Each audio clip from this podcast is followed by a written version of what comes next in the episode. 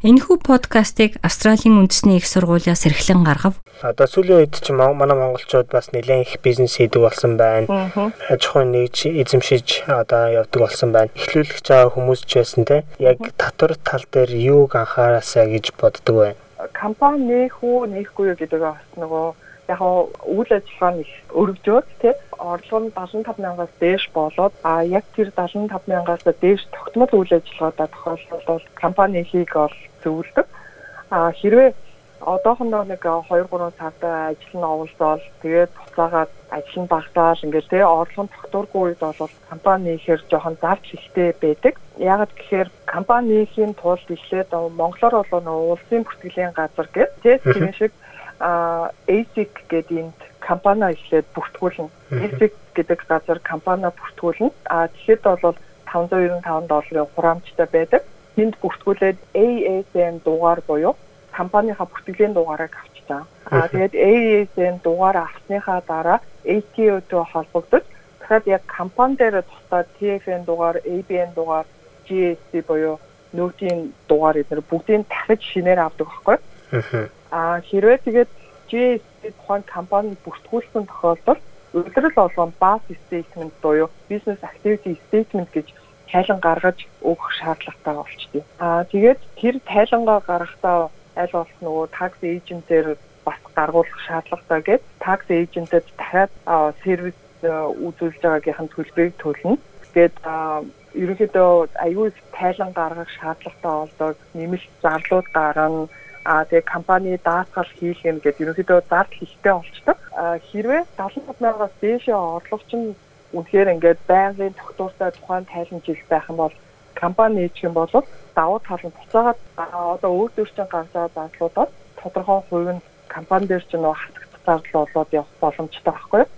Тийм тийм болохоор яг тухайн таны үйл ажиллагаа чинь хэрхэн өргөжж байгаагаас шалтгаалаад компани нэг хэсгээ одоо шийдэх хэрэгтэй гэсэн үг. А тэгэхээр бол компанийх бол бүх хүмүүд бол нээлттэй байдаг. Одоо ямар нэг визний одоо англил тий заавал тийм визтэй хүн компани ихтэй энэ гэсэн үг бол байх. А гэхдээ мэдээж нөгөө full time ажиллах хэрэгтэй юу ирэхгүй юу гэдгийг харж байгаа. Их сургуульд сурдаг full time ажиллах хэрэгтэй байхад бол компанийхд бол боломжтой. Ерөнхийдөө гарах зардлууд нь гэхээр эзэгт бүртгүүлэх зардал дараа нь такс эйжентүүдээр тайлангуудаа гаргуулах зардал компани даатгалын зардал гэж зардлууд болоод хувь хүнээр буюу эднээр олсон орлого дээр чинь нэмэгдэнэ л гэсэн үг. Тэгэхээр тэрийгээ сайн тооцоолж байгаа бол компани хэсгээ шийдэх хэрэгтэй. 75 мянгаас доош орлоготой хүмүүс байх юм бол тийм хувь хүнийхээ нөгөө EBN Sole Trader гэдэг дугаараа ашиглаа явуучвал зардал багтай гэсэн үг. Тэгээ яг нөгөө компани нийтнэрээ нөгөө бас ажлуудаа авах шанс арай илүү нэмэгддэг юм шиг лээ. Тийм болохоор хүмүүс бас их компани идэг. Аж ахуй нэгж эхэлж байгаа хүмүүст докторийн зүгээс энэ жил янз янзын давуу тал бенефит гарсан уу? А энэ жил болохоор write off зардал буюу нөгөө хасах зардалтай шинээр одоо машин тооны төхөөрөмж авсан тохиолдолд шууд зардалтай хийх боломжит урд нь 20 сая доллар хүртэл байсан. Энэ жил болохоор 30 сая доллар олж нэмэгдсэн байна. Тэгэхээр бус журмууд нь бол хിവэр байгаа. Нэг нэмэлт нь болохоор 19 оны 7 сарын 1-ээс худалдах зориулалтаа орон сууц борлуулдаг юм компани байх юм бол GST төлөгч биш байсан заавал GST төлөх ийм шаардлагатай болсон байгаа. Ийм хоёр нэг том өөрчлөлт орсон байсан. Та SPS Монгол нэвтрүүлэгтэй хамт байна. GST гэж юу юм? Яагаад одоо авах хэвээр ямар процесстэй байдаг вэ гэдэг тал дээр. За GST гэдэг нь болохоор монголоор болохоор нөөтийн татвар гэсэн үг. 10%. Орлого олж байгаа болон худлаа авж байгаа нийт үнийн дүн дээр чинь 10% тооцогдож байгааг GST гэдэг. Аа тэгээд GST ямар хүн заавал бүртгүүлсэн байх шаардлагатай вэ гэвэл 75 сая доллароос дээш орлого тухайн тайланд жил олсон тохиолдолд GST автоматар төлөгч болно. Аа мөн такси буюу Uber тэ Uber driver X гэдэг чинь тэрэнд явж байгаа хүмүүс автоматар GST төлөгч бол. Яагаад гэхээр одоо үйлчлүүлэгч нараас нь GST-д дүнгээр ороод ирж байгаа байхгүй юу? Орлого нь Тийм болохоор тухайн тэр 10% буцаад улсдаа төлөх ёстой гэсэн үг. Тэгээд яг ажил үйлчилгээ бизнесийн зорилгоос шалтгаалаад өөрөө GSD төлөгч болох сонирхолтой байх юм бол сайн дураараа бас GSD төлөгч болж болно л гэсэн үг. Хэрвээ та GSD төлөгч болсон тохиолдолд улирал олгоон base statement буюу business activity statement тайланг мэдүүлэх ёстой. Энэ дээр болохоор нөгөө Uber-ийн жолооч нар бол сар болгоны payment summary гэдэг ирдэг. А тэрнийхээ дагуу тэр нь автоматар ATO-д мэдүүлэгдсэн байдаг. Тийм болохоор ялангуяа юм Uber-ийн таксинд явж байгаа хүмүүс бол улирал олгон GST тайлан гаргаж өгөх шаардлагатай л гэсэн үг.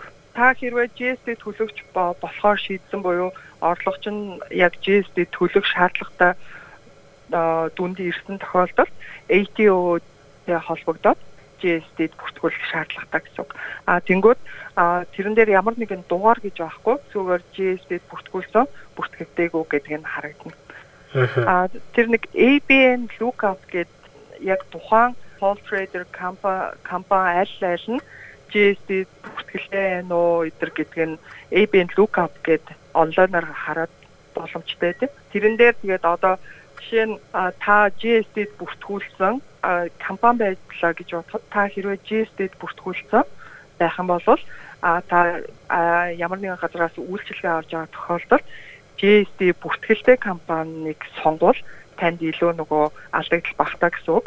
Яг гэвэл та хэрвээ GSD бүртгүүлчихэж байгаа л бол та олсон орлого болгоноос 10%-ийг одоо Австралийн татварын албанд төлж байгаа гэсэн үг байхгүй юу?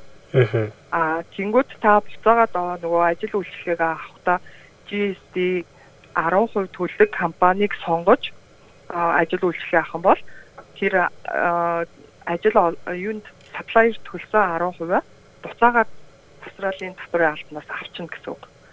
Тэгэхээр энэ хоёрын зөрүүгээр л одоо нөгөө бас statement дээр харуулаа явчихдаг гэсэн үг. Тэгэхээр GSD авлагатай байна уу, өглөгтэй байна уу гэдг нь харагдаа явчихна гэсэн үг. Аа тий. Бас айгүй чухал асуудал байна тий. Энэ айгүй чухал асуудал. Аа тэгээд яг зарим хүмүүс болохоор яг нөгөө цаад контрактынхаа шаардлагын дагуу BSD ингээд автоматар төлөхөөс өөр шаард юуго шансгүй болчихдог байхгүй. Тэнгүүд буцаагаад нөгөө гарч байгаа зардлууд нь болохоор GSD төлөгч тийм одоо жишээ нь барилга одоо хийж байгаа хүмүүс байлаа гэхэд компаниас орлого нь 10%-ийн 10%-тай орлого нь ороод ирч. Тэнгүүд буцаагаад нөгөө хүмүүсээ цалинжуулах гэхлээр нөгөө хүмүүс нь GSD төлөвч байхгүй бол тухайн компани одоо 10%-ийн одоо татвараа өөрөө төлөх болчихж байгаа гэсэн үг болчихж байгаа байхгүй. Тийм ээ, өөрсдийнхөө орлогоос тийм. Аха. Ханган нийлүүлэгч контракторудаа сонгосон ч гэсэн GSD-ийн тэр ABN lookup гэдэг хаягаас ороод харж болох юм байна тийм. Аа тий. Жилийн эцэст одоо компаниуд ямар тайлан гаргах шаардлагатай байдаг вэ? Аа хэрвээ та компани байгуулсан тохиолдолд GST-гээр бүртгүүлсэн тохиолдолд уйлрал болгон base statement гэдэг тайлан гаргана. Энэ дээрээ болохоор GST болон subcontractor болон TFN-ээр цалинжуулсан хүмүүсийнхээ мэдээллийг оруулаад уйлрал болгон тайлан гаргана. А жилийн эцэст болохоор а бас statement-ээ өгсөн дүнгээр нь буюу жилийн эзэн бас statement-ээ өгнө. А тэгээд profit and loss statement буюу орлого үр дүнгийн тайлангаа өгнө.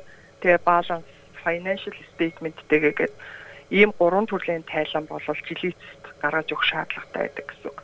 А хэрвээ та GST төлөвч биш байх юм бол улирал болгон баз стейтмент өгөх шаардлагагүй зүгээр жилийн эцэс орлого үр дүнгийн тайлан болон баланс хоёроо гаргаад өчгөд болно гэсэн. Такс такс эйжентээр ерөнхийдөө гаргуулсан дээр. Тий, улирал болгоныхоо бол өөрөө OSKI гэж одоо програм байдаг. OSKI-гээ ATO-гоос apply-даад аваад улирлынхаа баз стейтментийг бүр ийм үйл ажиллагааны ингэж их үйл ажиллагаатай их бүртгэл хийх шаардлагатай компани биш зүгээр simple team компани бүртгэлтэй юм бол өөрөө мэдүүлчихэд боломжтой. А харин жилийн эцгийнхээ бол tax agent-ээр бол мэдүүлэхэд бол илүү нөгөө найдвартай.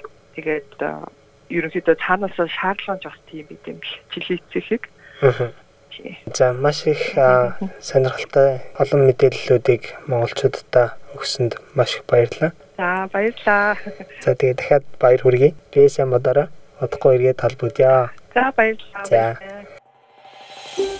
Үүнтэй адилхан бусад нэвтрүүлгийг сонсомоор байна уу? Apple Podcast, Google Podcast, Spotify эсвэл та өөрийнхөө сонсдог апп ашиглан манай нэвтрүүлэгтэй хавд байгаарай. Монгол өв уламжлал Монгол гэсэн өрмөц онцлогоо бид хэрхэн хадгалах вэ? Австралийн тэргуулах зэргийн их сургууль болох Австралийн үндэсний их сургууль нь монгол хэлний онлайн курсыг танд санал болгож байна. Монгол хэлийг сурснаар танд өөрийн сурлага, ажил мэргэжилдээ цааш дахин дэвших боломж гарах болно. Монгол хэлийг бүх шатнд сурч болохоос гадна та хаанч амьдардаг байсан зайнаа сурах боломжтой юм. 2020 оны эхний улирлын эсэлд 12 сард эхлэх болно. Дэлгэрэнгүй мэдээллийг Asia Pacific цэг ANU цэг EDU цэг AU зураас languages холбоосоор орж авна уу?